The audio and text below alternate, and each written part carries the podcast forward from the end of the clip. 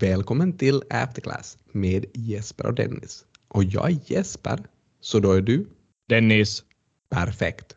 vi pratade ju en del om det där FTX-caset förra veckan. Och är det där du vill fortsätta idag också? Jag tänkte till och med om vi skulle ta och höra en liten stund på vad de har sagt under de här hearings som de har haft där in, initialt där de ska fundera på hur den här konkursen ska gå vidare. Så vi pratar ju om den där John Ray den tredje. Och vi hade ju något cit- citat från honom också som vi nämnde i den här tidigare podcasten. Ja, och nu tänkte jag ta, att vi skulle ta ett till citat, eller ett verkligt citat då, där han kommenterar om vilket redovisningssystem FTX använde. Så ska vi höra vad han säger. Så här låter det. They use QuickBooks, multi-billion dollar company using QuickBooks. QuickBooks? QuickBooks. Uh, nothing against QuickBooks, very nice tool, just not for a multi-billion dollar company. Så QuickBooks är det här bokföringsprogrammet eller redovisningssystemet som de använder. Har du som redovisare någon erfarenhet av QuickBooks? Det enda jag vet är ungefär det här att man kan som liten företagare använda det här QuickBooks. Och det är väl just som John Ray den tredje säger att det kanske inte tänkt för ett sån här miljardföretag. Den billigaste versionen är 15 dollar i månaden. Det låter ju... Vi kan säga så det låter ju extremt, extremt, extremt billigt. Så det är inget Lemonsoft precis. Nej, För jag tror Lemonsofts billigaste månadsprenumeration gick på en cirka 3000 euro i månaden. så kanske Lemonsoft skulle ha varit lite bättre för FTX. John Ray den tredje gav ju dem i alla fall ganska bra reklam där då, då han sa att, att det är ju en nice tool i alla fall. Alltså QuickBooks då och inte Lemonsofts. Ja, han nämnde ju inte Lemonsoft. Nej, men, men Lemonsoft har ju varit lite i nyheterna nu här på sistone. Jag ser att de ska säga upp sju stycken medarbetare. Och det här är då sju stycken av hur många anställda? De är väl strax, strax under 200. Så inte vet jag, kanske vi avslutar där om Lemonsoft. Ja, vad kan man säga? Lemonsoft kanske skulle ha varit i behov av den här reklamen som QuickBooks fick. Så har vi något annat bolag som är i behov av reklam just nu då? Eller marknadsföring? Nå, det nalkas ju jul och ett bolag som man osökt kommer att tänka på då det nalkas till jul. Så vad är det för bolag? Är det på så sätt att man tänker på jultomten och då samtidigt så tänker man på Coca-Cola? Ja, de har väl lyckats rätt bra att sälja in den här röda julgubben som dricker en viss dryck. Och nu här då jag senast gick förbi Stockman i Helsingfors såg jag också att Coca-Cola hade placerat en miniatyrlastbil, eller en ganska stor sån här kokislastbil på Stockmans tak ovanför ingången där. Så jag vet inte vad det tyder på.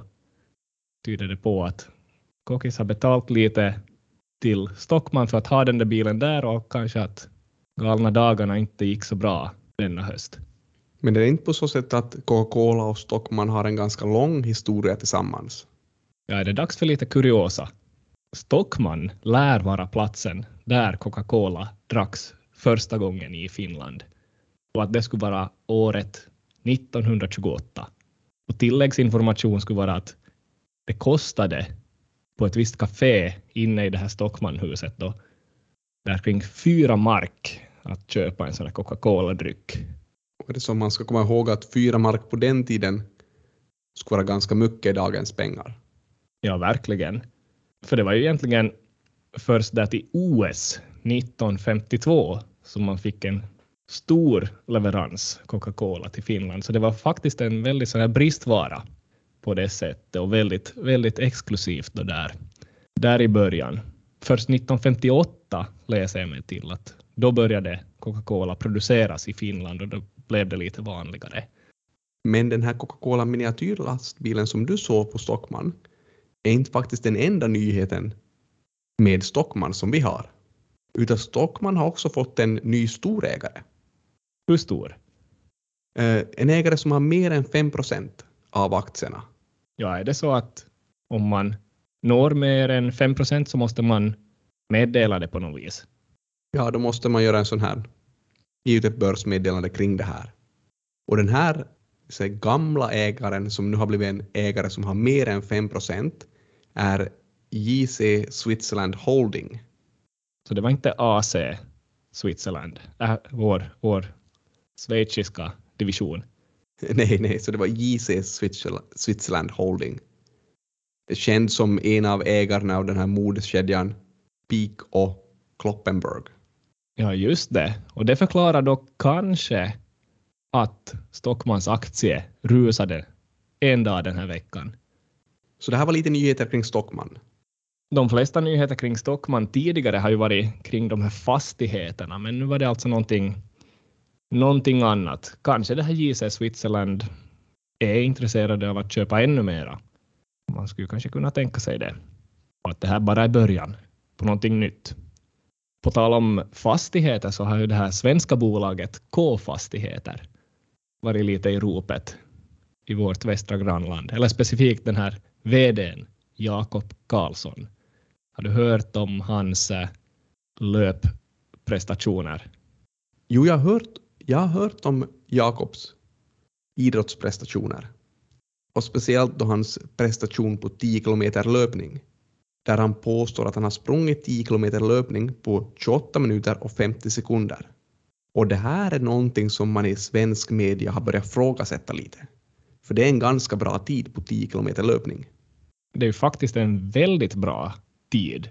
Om man ska ta lite kuriosa igen och lite OS-koppling till och med så sprang ju den här finländaren Lasse Virén samma sträcka på 27.38 på det här OS i München 1972 och tog då guld och, och världsrekord. Och det här var ju ännu kuriosa nummer två är ju det är ju det här OS där Silvia och kungen i Sverige träffades och det sa klick. Men det är kanske en parentes. Finns det något kuriosa nummer tre här angående Lasse Virén? Är det då det här att han eh, var en polis? Det är väl ändå lite intressant att han hade ett jobb vid sidan av sin elitsatsning. Men det har ju Jakob också, så ska vi tänka då så att om man har samma gener som Lasse så är det inte helt omöjligt med 28 och 50. Ja, ingenting är ju omöjligt som Gunde Svan skulle ha sagt, men frågan är nog det här om det ändrar är på så sätt att hans minne på något sätt sviker, sviker Jakob. Eller att det är på så sätt att det här är en ren och skär lögn. Eller om det är på något sätt så att han tror att han har sprungit den här sträckan på den här tiden. Men att sträckan på det här loppet eller den här länken som han sprang är helt enkelt fel uppmätt. Det är ju kanske den enklaste förklaringen. Att på många, många sådana här löptävlingar så är det ju till och med som så att man kanske har en lite felmätt sträcka för att sträckan mättes upp för länge sedan och sträckan har kanske något justerats efter det och landhöjningen och så vidare. Så. Kan det till och med vara på så sätt att på mindre tävlingar kan man ha 20 kilometers lopp som inte alls är fulla 20 kilometer och att det här är ganska medvetet och det står kanske någonstans i det här finstilt att det här inte är ett 20 kilometers lopp utan att det är mer ett 6,6 kilometers lopp eller någonting liknande. Ja, det är möjligt. Men allt för att deltagarna ska vara nöjda. Så Jakob var nöjd med den här tiden ända tills den började diskuteras. Men man kan fortsätta ifrågasätta Jakob lite faktiskt. Tyvärr. Eftersom att en annan sak som också har kommit upp är att det på hans så kallade CV står det, eller det stod, att han har tagit 240 studiepoäng från Mittuniversitetet. Och det är lite på det här sättet att när media får tag på någon informationspunkt som verkar osäker, eller som det kanske är en lögn som ligger bakom, så börjar man ju granska allt. Och media tog faktiskt kontakt med just det här Mittuniversitetet i Sverige och frågade att hej, har den här Jakob Karlsson tagit 240 studiepoäng från er? Eller hos er? Och universitetet svarade per mejl att Mittuniversitetet har inga uppgifter om denna person i vårt land och register. Så det verkar ju som det kan finnas fler saker som faktiskt inte stämmer med den här Jakob Karlssons påstådda prestationer tidigare i livet. Jag ser här också en personlig kommentar från Jakob själv, att han säger så här att jag, alltså, jag har läst fristående kurser motsvarande 240 poäng, men inte slutfört samtliga kurser poängmässigt. Citat slut. Så jag tycker det där låter som en, en eh, vanlig förklaring det där. Men visst, det är en skillnad mellan att tagit 240 poäng och, och läst 240 poäng. Ja, så är det ju. Och man ser också att aktiemarknaden tyckte också det här inte var så bra. Så man såg ett dropp i aktien för K-fastigheter från 24,88 till 23,06 under den här dagen när nyheten om de här felaktiga studiepoängerna kom ut. Det passar ju ändå bra tycker jag det där K-fastigheters ticker som är någonting sån här K-fast. Att det är snabb. De har en snabb VD. Ja, passar rätt så bra. Men jag började fundera lite på också när man fick det här verkliga exemplet att är det vanligt att VDR så överdriver kring sina prestationer? Och jag började fundera på att skulle vi på något sätt kunna testa det här? Då skulle man då ta data från deras CV. Ja, skulle man kunna få CV-data via LinkedIn, via sån här webbscraping? Det borde väl vara möjligt. Och så ska man jämföra det datat med registerdata, som det finns då i Sverige till exempel. Så då kunde man ju se att ser det ut som de har samma information på LinkedIn som, de, som vi har det här registerdatat. Och så kunde man ju titta huruvida ett sån här, en överdriven prestation på LinkedIn eller ett överdrivet CV på LinkedIn har en effekt på framtida aktieavkastningar eller liknande. Alternativt så kunde man också läcka den här informationen till media och låta media publicera den här informationen var det finns skillnader mellan det påstådda och det verkliga. Och så skulle man sen studera vad blev aktiemarknadsreaktionerna på den här nya informationen. Får min pitch godkänt av dig? Det är nästan 240 poäng för det där. Studiepoäng. Ja, nästan en doktorsavhandling. Om jag fortsätter föreslå forskningsidéer, så vad om man skulle studera VDns välmående och hur det påverkar prestationen för företaget? För det såg ju ut som att Jakob var en VD som var ganska väl, välskickad, hade ganska god kondition. Så där kanske man kan hitta något positivt samband. Vad får den pitchen för betyg? Den, den fastnar väl i plagiatkollen. För det finns väl ett, ett liknande forskningspapper av finländska kollegor. Och det här forskningspappret har vilken rubrik? Det heter väl CO Health. Och det är väl IQ-Matti som är i farten igen. Matti Kelloharju och kompani.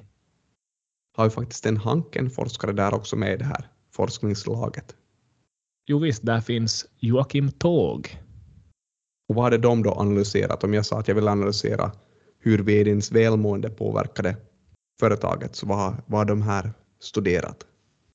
De har väl tillgång till ganska så här granulär data på till exempel om en person har varit intagen på sjukhus, om de har blivit behandlade för någon sjukdom, vilken medicin de har tagit och så vidare. Så de har bra data på VDR, men vad, om, om du skulle vilja summera de här, deras nyckelresultat, så vad kommer de fram till?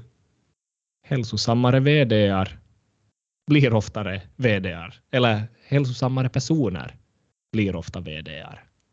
Samtidigt mår man inte sämre av att vara VD heller. Men om man börjar må dåligt så är det mer sannolikt att man inte är VD särskilt länge. Skulle man kunna summera det här med att säga att de finner ett starkt samband mellan personers välmående och personernas prestation? Ja, precis. Sen kollar de specifikt på att om du har dålig hälsa som VD så kommer också ditt företag att må dåligt så att säga. Att, uh, om man kollar på lönsamhetsmått exempelvis. Och det är specifikt mellan mental ohälsa. Det där. Har inte det samma författargruppen gjort någon typ av forskning kring hur att studera som doktorand påverkar din mentala hälsa? Ja, de har ju ganska bra reklam för doktorandstudier faktiskt i ett, i ett forskningsprojekt som jag såg. Det är fortfarande opublicerat det där pappret, men det heter så här, eller titeln, rubriken är så här, kolon. PhD studies hurt mental health, but less than you think. Så vad de kommer fram till där är egentligen att de här doktoranderna, stackars doktoranderna mår inte så bra mentalt. Så där är lite reklam och Hankens antagning är väl öppen för tillfället. Så. Jo, men det här, är ju inte, det här var ju alla doktorander eller doktorander i snitt. Och att doktorera på Hanken är väldigt annorlunda. Vi borde göra en sån undersökning. Att vad är det för riktning på den där Hanken-dammin om man gör en sån analys? Ja, alltså vi tror ju att det är lite bättre här på Hanken. Förstås, här också är det lite stress. Och ibland kan man behöva lite hjälp när det är stressigt. Och jag använde mig faktiskt av den här nya Chat AI-botten för att göra en uppgift här ganska nyligen. Så den här Chat GPT, om du är bekant med den. Den har förekommit här och där och jag var, jag var inne och testade den också, fråga lite frågor, men jag har inte ännu använt den seriöst så att säga. Ja, men jag rekommenderar att du ska använda den seriöst. Den kan till och med skapa powerpoints till dig. Okej, okay, nu låter det bättre. Så vad jag ville ha var faktiskt, jag ville ha en powerpoint. Så en, en bild i den här powerpointen bara, som lyfter fram hur viktigt det är att fundera kring hållbarhetsfrågor. Och då gav jag den här chatbotten följande instruktioner. Så jag frågade dem, eller jag frågade den, varför är hållbara affärsstrategier viktiga? Lyft fram det nordiska perspektivet. Ange ditt svar i PowerPoint-format och använd tre punkter. Och jag måste säga, det blev, det blev väldigt bra. Inte så bra så att jag verkligen kunde använda det, men så här om jag skulle ge det ett vitsordsbedömning så fick det en, ett G. Så det är godkänt? Godkänt och så minskar det på min stress lite. Så bättre hälsa? Du nämnde ju också att du har testat den. Så vad testade du skriva in i chatbotten? Jag testade lite sån här att, uh, lite bara sån här personevaluering. Att uh, jag testar skriva in dit att eh, please describe the research of Jesper Haga. Men det, det kom inget svar. Det kom någon error. Men sen också det här att eh, jag testade att why are the stars of after class with Jesper and Dennis so good? Men det, det gav inget heller, så jag vet inte. Ännu kan inte bottarna producera innehåll. Är det en konklusion? Ja, det är verkligen vår konklusion. Och de kanske inte kan göra det så ofta heller. Nej, för att efter att jag gjorde det där, ställde en massa frågor efter, efter en stund, så, så kom det bara en notifikation att nu måste du betala om du ska gå vidare. Det är ju helt diametralt till vår podcast. För här behöver man inte betala och det kommer nya insikter också nästa vecka i After Class.